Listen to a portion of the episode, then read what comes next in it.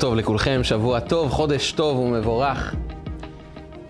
לא מעט פעמים אנחנו תופסים את עצמנו שהמחשבות שלנו נדדו להמון המון מקומות. אנחנו תופסים את עצמנו שהרבה פעמים במקום שאנחנו ננהל את המחשבות שלנו, המחשבות מנהלות אותנו. אדם נזכר לפעמים במריבה שהתרחשה לפני הרבה שנים, אבל פתאום בגלל סיבה מסוימת זה צף, ומהרגע הזה הוא מאבד שליטה והמחשבות סוחבות אותו לאלפי מקומות. הוא פתאום מתמרמר וכועס ונזכר בפרטים ומריח את הריחות שהיו באותה תקופה. ופתאום הוא מתחיל להתעצבן ולכעוס והוא חווה מחדש את המריבה שהיא כבר לא קיימת. אין לה מציאות, אין לה קיום מלבד המחשבות של האדם שמנווטות אותו לאותו אירוע, לאותו מקום, למרות שכעת זה חסר משמעות לכאורה. אין לזה שום קיום עכשווי. אבל המחשבות, המחשבות מנהלות אותנו, סוחבות אותנו, מביאות אותנו למקומות שאנחנו תופסים את עצמנו ואומרים לעצמנו, אנחנו לא רוצים להיות שם. אנחנו לא רוצים את המקום הזה, חבל לנו על עולם הרגשות שנחרב באותם רגעים, באותם זמנים. אדם סיים מריבה עם השכן. מהרגע שהוא סיים את המריבה, מעכשיו זה רק מתחיל. שלושה ימים הוא סוחב את הכעס ואת העצבים ואת ה... חוזר לעצמו על כל המחשבות של מה הוא אמר ואיך אני אמרתי ולמה לא הגבתי לו ככה ומערב את האנשים ואת השכנים. והמריבה עצמה הסתיימה, אבל בעולם המחשבות האדם ממשיך לחיות בזה. מה שבוודאי גורם לכל אחד שהמחשבות הן מחשבות לא חיוביות, לא טובות, מזכירות לו נשכחות, דברים לא טובים ואירועים לא משמחים שהיו לו. הוא חווה מחדש את הרגש הלא בריא, ושוב מחדש הגוף, המוח, מבחינתו חי מחדש את המריבה. הוא לא רק נזכר במריבה, הגוף חווה מריבה מחדש. הוא חווה את החוויות השליליות שוב פעם. ואדם שואל את עצמו, יש אפשרות לנהל את המחשבות שלנו? לשלוט על המחשבות שלנו? איך עושים כזה דבר? וכאן מגיעה פרשת השבוע עם ציווי מאוד מיוחד, מאוד מעניין. אומרת לנו התורה את המקרה הבא. הקדוש ברוך הוא פונה לעם ישראל במדבר, ואומר להם, כי תבוא אל הארץ אשר השם אלוקיך נותן לך, וירישת וישבת בה. אתם יום אחד תיכנסו לארץ ישראל. אתם תכבשו את הארץ, תתיישבו בה, ואז תעלה לכם, לכם שאלה, איזה רצון מסוים. ואמרת, אשימה עלי מלך ככל הגויים אשר סביבותיי. פתאום העם שנכנס לארץ יביט על כל העמים מסביב ויגיד, לכולם יש מלך, מה איתנו? אנחנו רוצים גם מלך. רוצים הנהגה, רוצים שלטון. ואז הקדוש ברוך הוא פונה לעם ישראל ומצווה אותם את הציווי הבא: שום תשים עליך מלך אשר יבחר השם אלוקיך בו. תשים מלך אשר יבחר השם אלוקיך בו. אמרו בחסידות, הציווי הזה, שום תשים עליך מלך, זה תשים על עצמך שלטון. תשלוט בעולם הרגשות שלך, תשלוט במחשבות שלך, תשלוט בהנהגות שלך. תהפוך להיות אדם שיודע לשלוט על החיים שלו. לא רק כי הוא מחליט מה הוא אוכל לארוחת הערב, אלא הוא גם יודע לנהל את הרגשות שלו, הוא פועל על פי קוד מסוים שיודע להבחין מתי המחשבה היא טובה, מתי המחשבה היא לא טובה, מתי ההתנהגות ראויה, מתי ההתנהגות לא ראויה, איך אני מגיב נכון. תשלוט על המחשבות, על ההנהגות, על הרגשות, על המעשים. טוב, זה ציווי מאוד מעניין, מאוד יפה, אבל אתם יודעים, זה דומה למה שהמורה בכיתה ג' אומרת לתלמיד, תתרכז. והתלמיד אומר, אוקיי, אני אתרכז, אבל אין לו מושג איך מתרכזים. השכן לידו מביא לו כל מיני תמונות, ויש איזה משהו מעניין בסוף הכיתה, ויש לו גם מחשבות, ובכלל לא מעניין אותו השיעור. אז איך מתרכזים? אני לא יודע מי מאיתנו קיבל פעם שיעור כשהוא היה קטן על איך מתרכזים, איך מתמקדים בחיים. אנחנו מקבלים הרבה ציוויים והרבה פקודות מההורים, מהמורים, מהמנהל, תתרכז, תתמקד, תהיה קשור למה שאתה עושה. אבל לא הרבה מאיתנו קיבלו שיעורים איך בדיוק מתרכזים ואיך בדיוק מתמקדים בחיים. אז איך עושים את זה? שום תשים עליך מלך, זה תשלוט על עצמך, על הרגשות שלך, על המחשבות שלך, אבל איך בדיוק זה קורה? איך זה מתרחש? איך עושים את זה? ועוד שאלה אחת. התורה בפרשת השבוע פונה אלינו בצורה קצת מוזרה. היא מספרת לנו, כי תבוא אל הארץ וירשת וישבת בה, ואמרת, אשימה עליי מלך ככל הגויים אשר סביבותיי. האדם נכנס לארץ, רוצה שיהיה לו מלך כמו שיש בכל אומה, ככל הגויים אשר סביבותיי, ואז הקדוש ברוך הוא אומר לו, שום תשים עליך מלך אשר יבחר השם אלוקיך בו. יש שתי סוגי מלכים. יש מלך ככל הגויים, מלך ככל העולם. ויש מלך אשר יבחר השם אלוקיך בו. זה שני סוגי מלכים. וכאן אנחנו נדרשים לשאלה, מהם שתי צורות השליטה על החיים שלנו? מהם שתי סוגי, שני סוגי המלכים שמולכים עלינו? מלך ככל הגויים ומלך אשר יבחר השם אלוקיך בו. מלך כללי או מלך פרטי של בחירה. כי יש לנו אפשרות לחיות ככל הגויים, ויש לנו את אפשרות הבחירה, לשלוט על עצמנו, על כוחותינו, על מחשבותינו, על מעשינו, בצורה של בחירה. ומהי הדרך?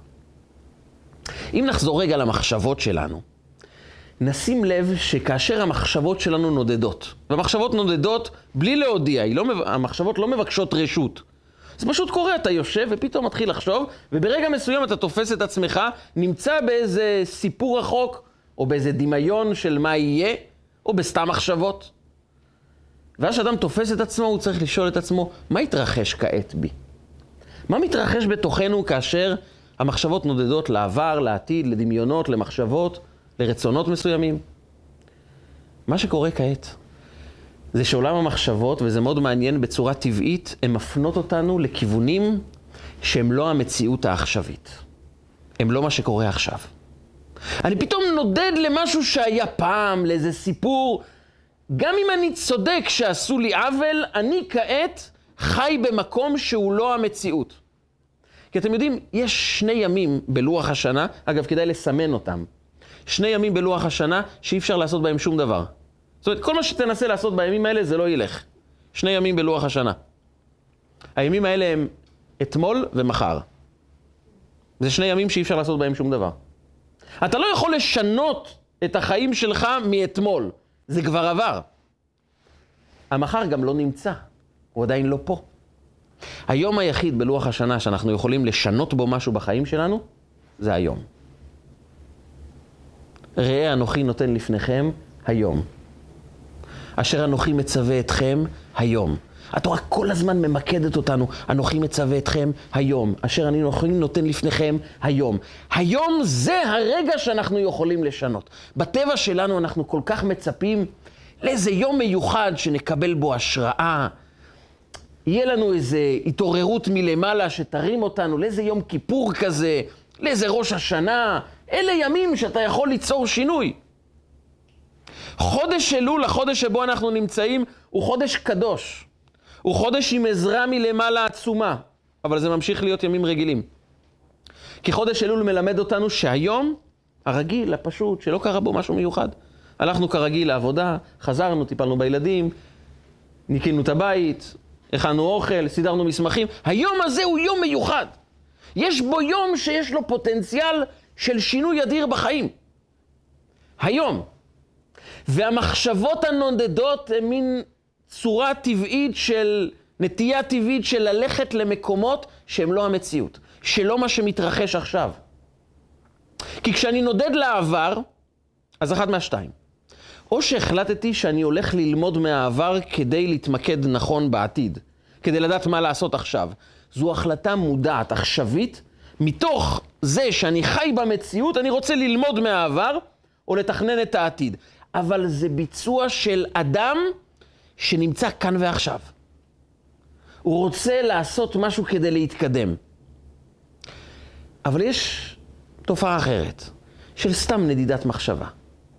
אתה מזכיר לאדם איזה זיכרון מסוים, ופתאום זה מזכיר לו איזה מריבה, ופתאום הוא נכנס לזה, והוא נסחף. זה כמו נהר סוחף, שמשליך את האדם למקומות שהוא לא רוצה להיות בו. הוא מתחיל לחשוב על המריבה, חווה את המריבה שוב פעם, עד כדי כך שהוא מקבל כאב ראש, לוקח שתי אקמול והולך לישון שעתיים. והמריבה הזאת התרחשה לפני עשר שנים. אבל המחשבות שולטות עלינו, כי המחשבות מרגילות את האדם לא להיות נמצא בכאן ועכשיו, לא נמצא בתחושת המלכות, אלא במקומות שאין להם שום השפעה על החיים שלנו. וכאן הסוד הגדול של המלך. מלך קשור למוקדי השפעה. מלך כדי למלוך, הוא חייב להיות קשור ושולט על הצבא, על המשטרה, על העיתונות, על מערכת המשפט, על המערכת האזרחית. יש מלכים שניצלו את זה לרעה, יש מלכים שניצלו את זה לטובה, אבל כולם היו קשורים למוקדי ההשפעה, כי אין שום משמעות למלך כשהוא לא קשור למוקדי ההשפעה. מלך מבין שכדי למלוך, הוא חייב למצוא מהם הגורמים שמשפיעים על המדינה, ולהיות קשור אליהם, לשלוט עליהם, וככה אני יכול למלוך. ואותו הדבר בחיים שלנו. כשאני רוצה לשלוט על עצמי, אני רוצה לקיים את הציווי של פרשת השבוע, שום תשים עליך מלך, תמלוך. ואתם יודעים שהחסידות אומרת שמלך ראשי תיבות, מוח, לב, כבד. זה בעצם היכולת שלי לשלוט על המחשבות, על הרגשות ועל הביצוע. איך אני עושה את זה? אני חייב לשאול את עצמי, מהם גורמי ההשפעה על החיים שלי? מה משפיע לי על החיים? וגורם ההשפעה המרכזי על החיים שלנו זה ההווה, זה העכשיו. ככל שאני יותר בורח למקומות של עבר, למקומות של עתיד, לא כחלק, כחלק מהיצירה העכשווית שלי, כחלק מהלימוד שלי כדי לדעת איך להתנהג עכשיו, אלא כסתם נדידה, נוסטלגיה. כמה קבוצות נוסטלגיה יש? לא יודע, בארץ אני לא חושב שזה קיים, אבל בצרפת יש רדיו שקוראים לו רדיו נוסטלג'י. זה רדיו הנוסטלגיה. גם בארץ יש, נו, בכל מקום כנראה יש. אנשים יושבים, שומעים את השירים של שנות ה-60, שנות ה-70, נזכרים, אה, פעם היינו יפים, פעם היינו צעירים, פעם היינו חזקים, פעם היה עולם יותר מתורבת, פעם היה עולם הרבה יותר הוגן, לא הקטסטרופה שהולכת כעת. פעם היה טוב. איפה ההורים? איפה הסבים? איפה העבר שפעם היה? איפה התמימות שהלכה? פעם היה טוב. ואז מה יוצא לנו? לאיפה התקדמנו? אתם יודעים, פעם ראיתי וידאו מאוד מעניין מחלוקת הדולרים של הרבי. הרבי מלובביץ' היה מחלק דולרים לברכה, אנשים היו באים, מקבלים ברכה, הוא היה אומר להם, כשאתה לוקח דולר ושם בצדקה, זה הכלי, האפשרות לקבל ברכות. כשאתה נותן, אתה מקבל. היה ממנה כל אחד עם דולר, לך תשים את זה בקופת הצדקה. ואנשים היו ממתינים שעות כדי לפגוש רגע אחד את העיניים של הרבי ולקבל ברכה. אדם מבוגר הגיע לרבי, וכנראה שהוא המתין הרבה זמן, אז הוא אמר לרבי, רבי, היה קשה. אתה יודע כמה זמן אני עומד על הרגליים לחכות להגיע אליך? היה תור ארוך, אני כבר שעתיים על הרגליים עומד. היה ממש קשה, רבי. עניין אותי מה הרבי יגיב לו. הוא יגיב לו בצורה מאוד מעניינת. הוא הסתכל עליו ושאל אותו, ומה עכשיו? אז הוא מתעורר פתאום, מסתכל על הרבי ואומר, עכשיו מעולה. לו, אז מצוין, תמשיך ככה. זה הרגע שראית איך אדם שחי בעבר, חי במקום לא טוב, מפספס את העונג, את הטוב, את ההזדמנות שיש בה עכשיו. רק בגלל שהוא חי עדיין בעבר, והוא צודק, היה קשה, היה מאתגר, לא היה נעים. אבל מה עכשיו?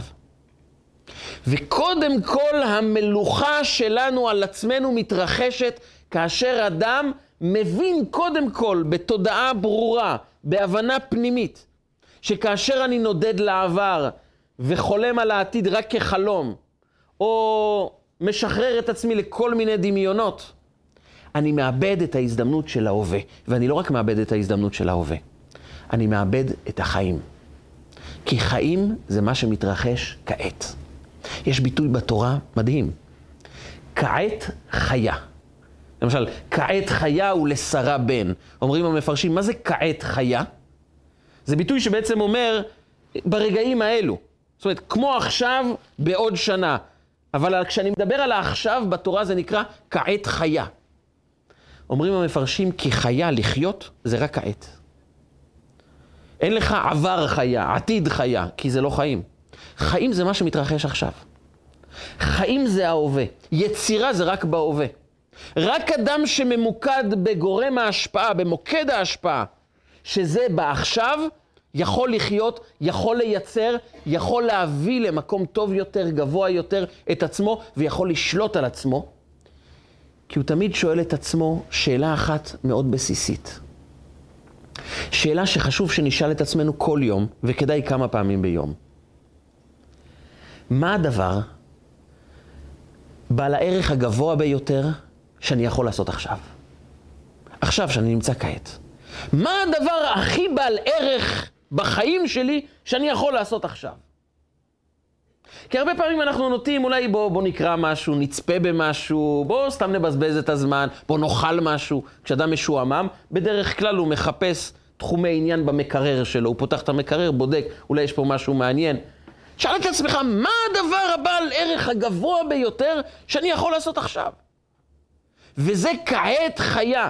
ככל שאדם מרכז את עצמו יותר לכיוון הפעולה של עכשיו, הוא חי. ואז, אז כוחות הנפש מתחילים להתרכז למקום אחד. יש בנו המון כוח, כוח שמתפזר. וכשהכוח מתפזר, חלק ממנו הולך על העבר, על הנוסטלגיה. ואנחנו לוקחים חלק מהנפש ושמים אותו בעבר.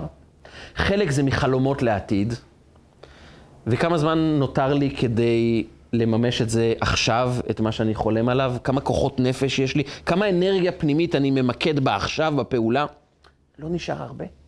בזבזתי כל כך הרבה על דמיונות, על עבר, על מריבות בעבר, שאני צודק, ויצאת צודק. אתה צודק. פגעו בך, זה לא נכון. נו, אבל את החיים איבדת.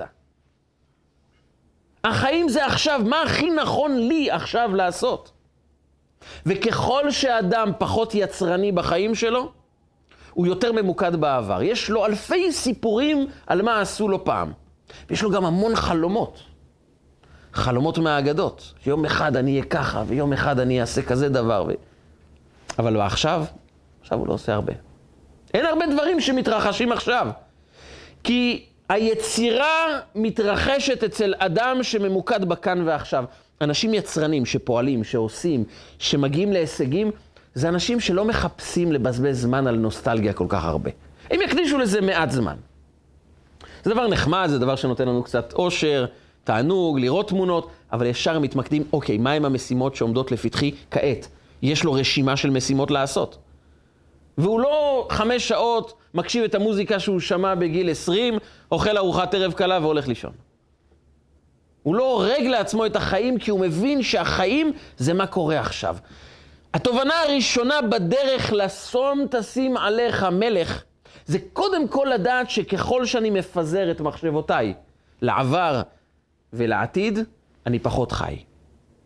וכאן מגיע הדבר השני. לקחת את עצמנו ולמקד את עצמנו בעשייה של כאן ועכשיו.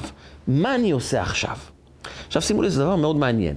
אם נשים לב, אנחנו עושים הרבה דברים, ויש לנו טלפון שכל רגע מסית אותנו לכיוונים אחרים. הודעה, ואדם ממוצע חבר באיזה עשר קבוצות בערך, אז כל פעם הוא מקבל עוד הודעה, ולפעמים הודעות מאוד חשובות ומאוד מעניינות. ואם נשים לב, אדם בשעה, לכמה מקומות הוא עף במחשבה שלו? לכמה מקומות הוא הולך? כמה אנרגיה, אנרגיה יש לו בהשקעה בפעולה עכשיו שהוא עושה אותה וממוקד בה ומשקיע את כל כוחות הנפש.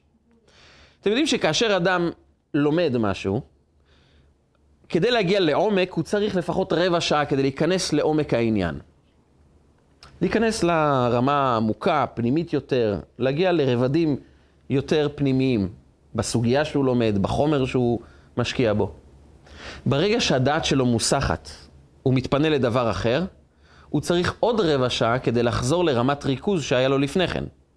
עכשיו, מכיוון שאדם מקבל הודעה בערך כל חמש דקות, במקרה הטוב, הוא לעולם לא יכול להגיע למקום פנימי, לריכוז אמיתי בדבר שהוא עושה. ומילא אם זה רק היה בלימוד, אבל זה גם ביחסים בין אישיים, בקשר בין בעל לאישה, בין הורים לילדים. מתי אנחנו ממוקדים במה שאנחנו עושים?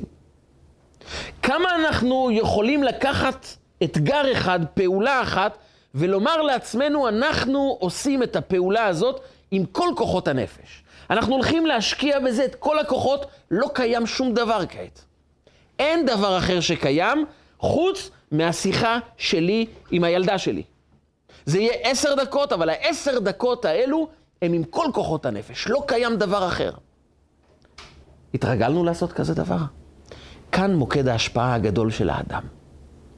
אתם יודעים, יש סיפור יהודי עתיק מהעיירה היהודית, שהיה את הלץ, את הליצן הגדול של העיירה היהודית, קראו לו הרשלה. הרשלה, יום אחד, כך מספרת האגדה, הלך למסע של כמה וכמה ימים, בקושי אכל, בקושי שתה, חיפש איזו אכסניה יהודית שיכול להיכנס אליה, לטום איזה מאכל יהודי טוב. אחרי כמה ימים שהוא בקושי אכל, והוא מצא, מצא פתאום איזה בית הערכה יהודי אמיתי, הוא נכנס, הייתה שם את המבשלת היהודייה, שרואה יהודי נכנס, וישר היא שואלת אותו, שלום עליכם, מאיפה אתה מגיע? אומר לה, מוורשה. אומר לה, מוורשה, איזה יופי, אתה מכיר את משפחת בוימלגרין? אמר בטח. מה שלומם? מתו. מה מתו? מתו כולם.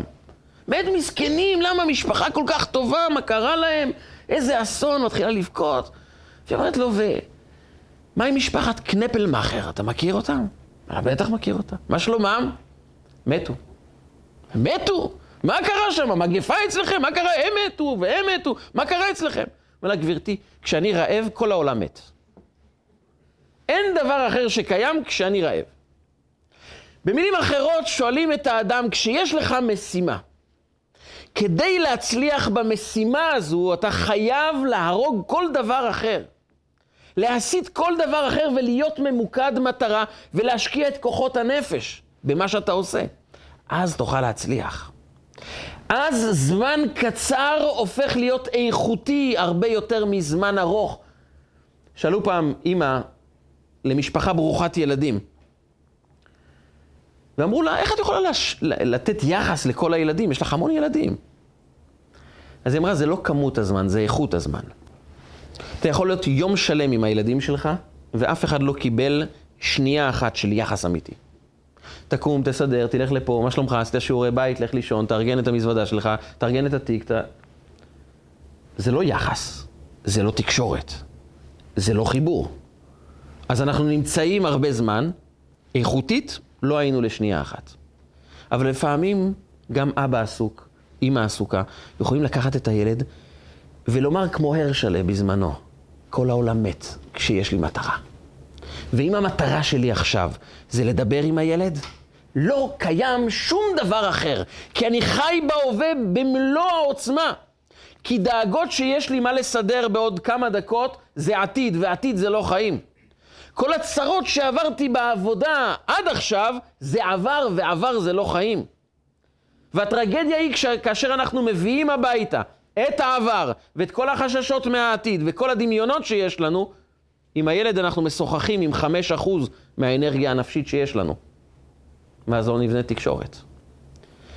בשום תשים עליך מלך, זה לבדוק מה מוקד ההשפעה האמיתי של החיים שלנו. איפה אני מולך? איפה אני משפיע? איפה אני יוצר? איפה אני בונה? איפה אני משנה דברים? זה בהווה. ואם זה ההווה, כשאני עושה את מה שאני עושה, אני עושה אותו במלואו. וזה שיחה מיוחדת שיש בין בעל לאישה, בין אבא לבן, בין אימא לבת. זה שיחה כזו שאני אומר לעצמי, לא קיים שום דבר. אני מניח את העבר בצד, את העתיד במקום אחר, ואני אומר לעצמי, את מה שאני עושה עכשיו, אני עושה ועושה אותו הכי טוב. והתורה מעניקה משמעות דרמטית ליכולת שלנו בלהיות ממוקדים במה שאנחנו עושים עכשיו. אתם יודעים, 99% מהאנשים שמתחילים דיאטה, מתי הם מתחילים? מחר, שבוע הבא. אחרי החגים. זה הכי קל, למה? כי זה לא מחייב שום דבר. כי העתיד זה לא חלק מהחיים, ולהתחיל את זה בחיים זה הכי קשה. אבל החיים זה עכשיו. החיים זה מה אני מוכן לעשות היום. ועל זה מספרת לנו התורה סיפור מדהים.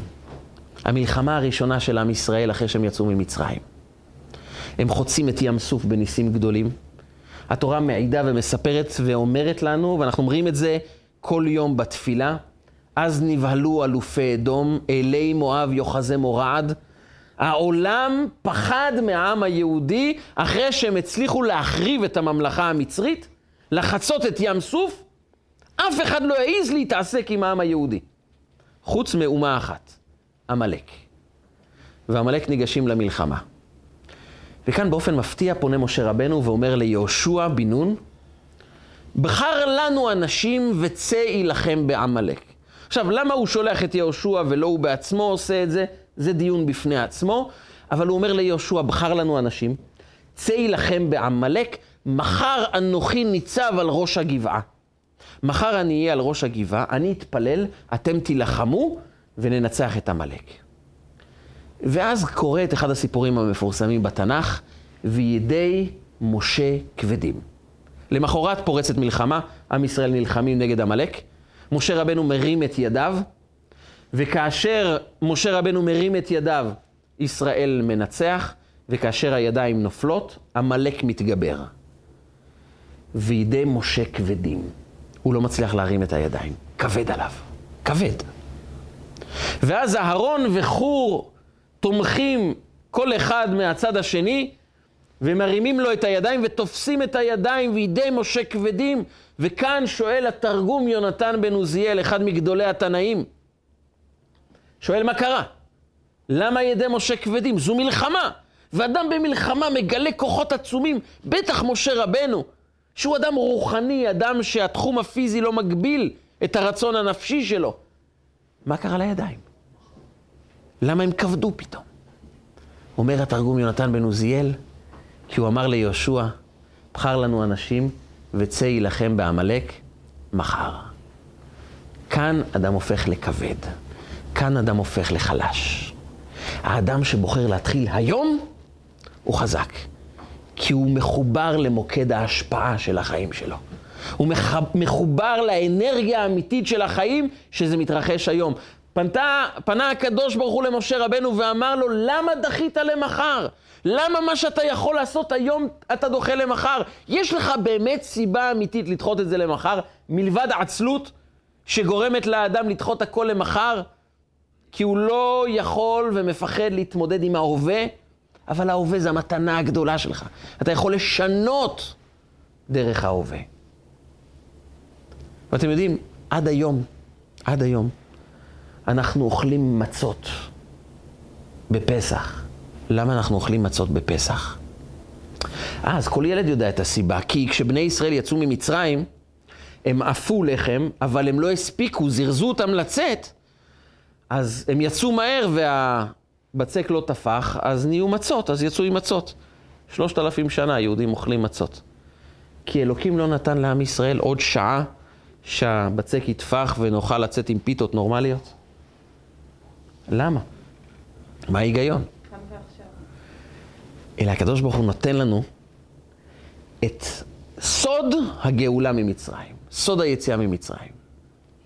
יש לך הזדמנות לצאת עכשיו? אבל הבצק, אבל הלחם, אבל זה לא יהיה טעים. יש לך הזדמנות לצאת? צא, לך, תצא, תגאל את עצמך, תבצע את מה שאתה צריך לבצע. וכל ילד וילדה, כל איש ואישה, מסובין מסביב לשולחן ליל הסדר ואוכלים מצות כי הם אומרים לעצמם, אשר אנוכי מצווך היום, היום לעשותם, היום מבצעים את השינוי הגדול. ומי שממקד את עצמו בהיום, בעכשיו, בנקודת הפעולה של מה שאני יכול לעשות היום הכי טוב, הוא יוצא ממצרים. חלומות לא הוציאו אף אחד ממצרים. אלא אם כן, חלק מהפעולה שלי עכשיו זה ללמוד מהעבר, לתכנן את העתיד, לחלום כדי לקבל השראה, אבל הכל נובע מנקודה אחת בסיסית, שאני ממוקד במה אני פועל הכי טוב עכשיו. וזה סוד המצע, סוד היציאה ממצרים. וכאן הדבר השני שאנחנו צריכים לזכור. כאשר המחשבות שלנו נודדות, קודם כל, דבר ראשון, להבין אני לא חי במציאות, אני חי בדמיון. אני חי במקומות שהם לא מציאות. וככל שאני מפנים את הדבר הזה, מתעורר בי תחושה, רצון, חשק, תשוקה פנימית, למקד את עצמי בהווה. וכאן אני צריך לשאול את עצמי, מה הדבר שאני יכול לעשות עכשיו כדי לחזור להווה? כמו אותו יהודי שעבר בדולרים כשהרבי מלובביץ' חילק את הדולרים ואמר, היה קשה והיה לא טוב והיה מאתגר, ושעתיים אני עומד בתור, ואומר לו, ומה עכשיו? לשאול את עצמנו, ומה עכשיו? אני חושב מחשבות, אבל מה עכשיו אני יכול לעשות הכי טוב? פגעו בך, העליבו אותך, עשו לך עוול.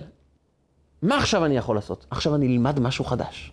אני אקח ספר חדש וישכיל, יחכים קצת יותר. אני אלך לעזור ליהודים, פגעו בי, אולי אני יכול לעזור ליהודי אחר, לאדם אחר. קח טלפון, תעבור על רשימת אנשי הקשר, אולי יש מישהו שזקוק לאיזה מילה טובה? אולי יש מישהו שזקוק לתמיכה מסוימת? מי שבוחר לפעול עכשיו מגלה נפלאות, כי אז אנחנו יוצרים, אז אנחנו פועלים, אז אנחנו עושים. אדם צריך לאמן את עצמו. לאמן את עצמו כל פעם, כל יום, לפחות בדקה אחת, שהוא ממוקד בדבר אחד בלי להפסיק. אנחנו כמובן לומדים, אבל גם כשאנחנו לומדים, פתאום מתעורר לנו איזו מחשבה ממה יהיה, איזה מסמכים צריך לסדר, מה עשו לי, פתאום אני מתעורר עם איזו שיחה שהיה לי עם מישהו. ואני לומד, אבל לומד עם חלק מאוד קטן מהנפש שלי. הכוחות שאני מנצל אותם כדי ללמוד הם כוחות מועטים, כי הרבה מהנפש מפוזר בכל מיני מחשבות אחרות. היכולת שלנו לסגור את הטלפון, לשים אותם בצד, ללמוד ולהתמקד עד הסוף. זה שריר שצריך לאמן אותו. וזה לא מתחיל עם חצי שעה, עם שעה, זה מתחיל עם דקה. דקה, אני יכול להיות ממוקד לגמרי, לקחת שיחה עם הילד ודקה אחת להיות איתו בצורה כזו שלא קיים משהו אחר חוץ מהשיחה איתו. זה מחולל נפלאות.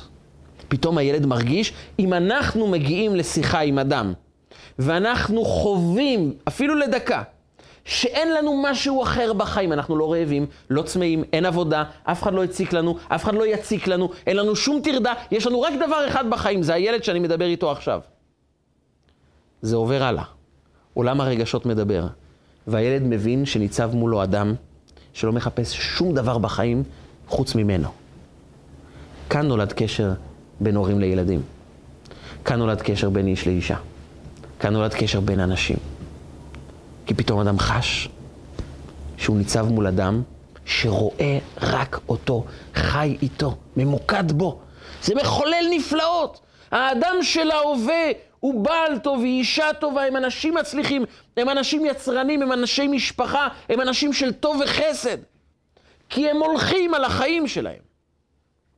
ולכן באה התורה ואומרת, כי תבוא אל הארץ אשר השם אלוקיך נותן לך, וירישת וישבת בה, אתה מקבל ארץ שלמה, אתה יורש אותה, אתה כובש אותה, ואתה אומר, אני רוצה למלוך.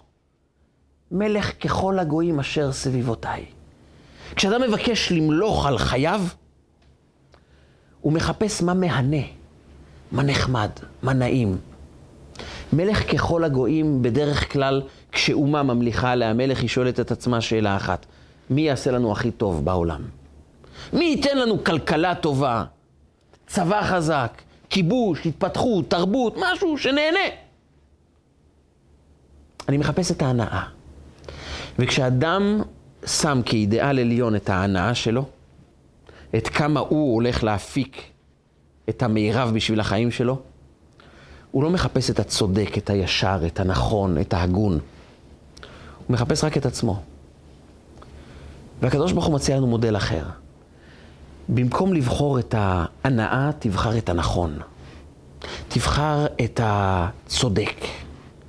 תבחר את הפעולה שתיצור משהו חדש. כי הסיבה שהמחשבות שלנו נודדות להרבה מקומות, כי הרגלנו את עצמנו לעשות רק מה שבא לנו, רק מה שמתחשק לנו. אנחנו רק עסוקים בסיפוק תאוות ורצונות וצרכים כל הזמן. אז לכן, אנחנו נודדים אחרי איפה שהלב נודד. אנחנו נשלטים בידי הלב, בידי המחשבות, ושימו לב שמלך זה מוח לב כבד, קודם המוח ואחר כך הלב. ולמך זה לב מוח כבד. אבל אם אדם מציב קודם כל את המוח, אני בודק מה נכון, ולפי זה אני מנתב את עולם הרגשות שלי, אז עולם הרגשות שבנו נבנה בצורה ייחודית, שהמחשבות לא בורחות סתם.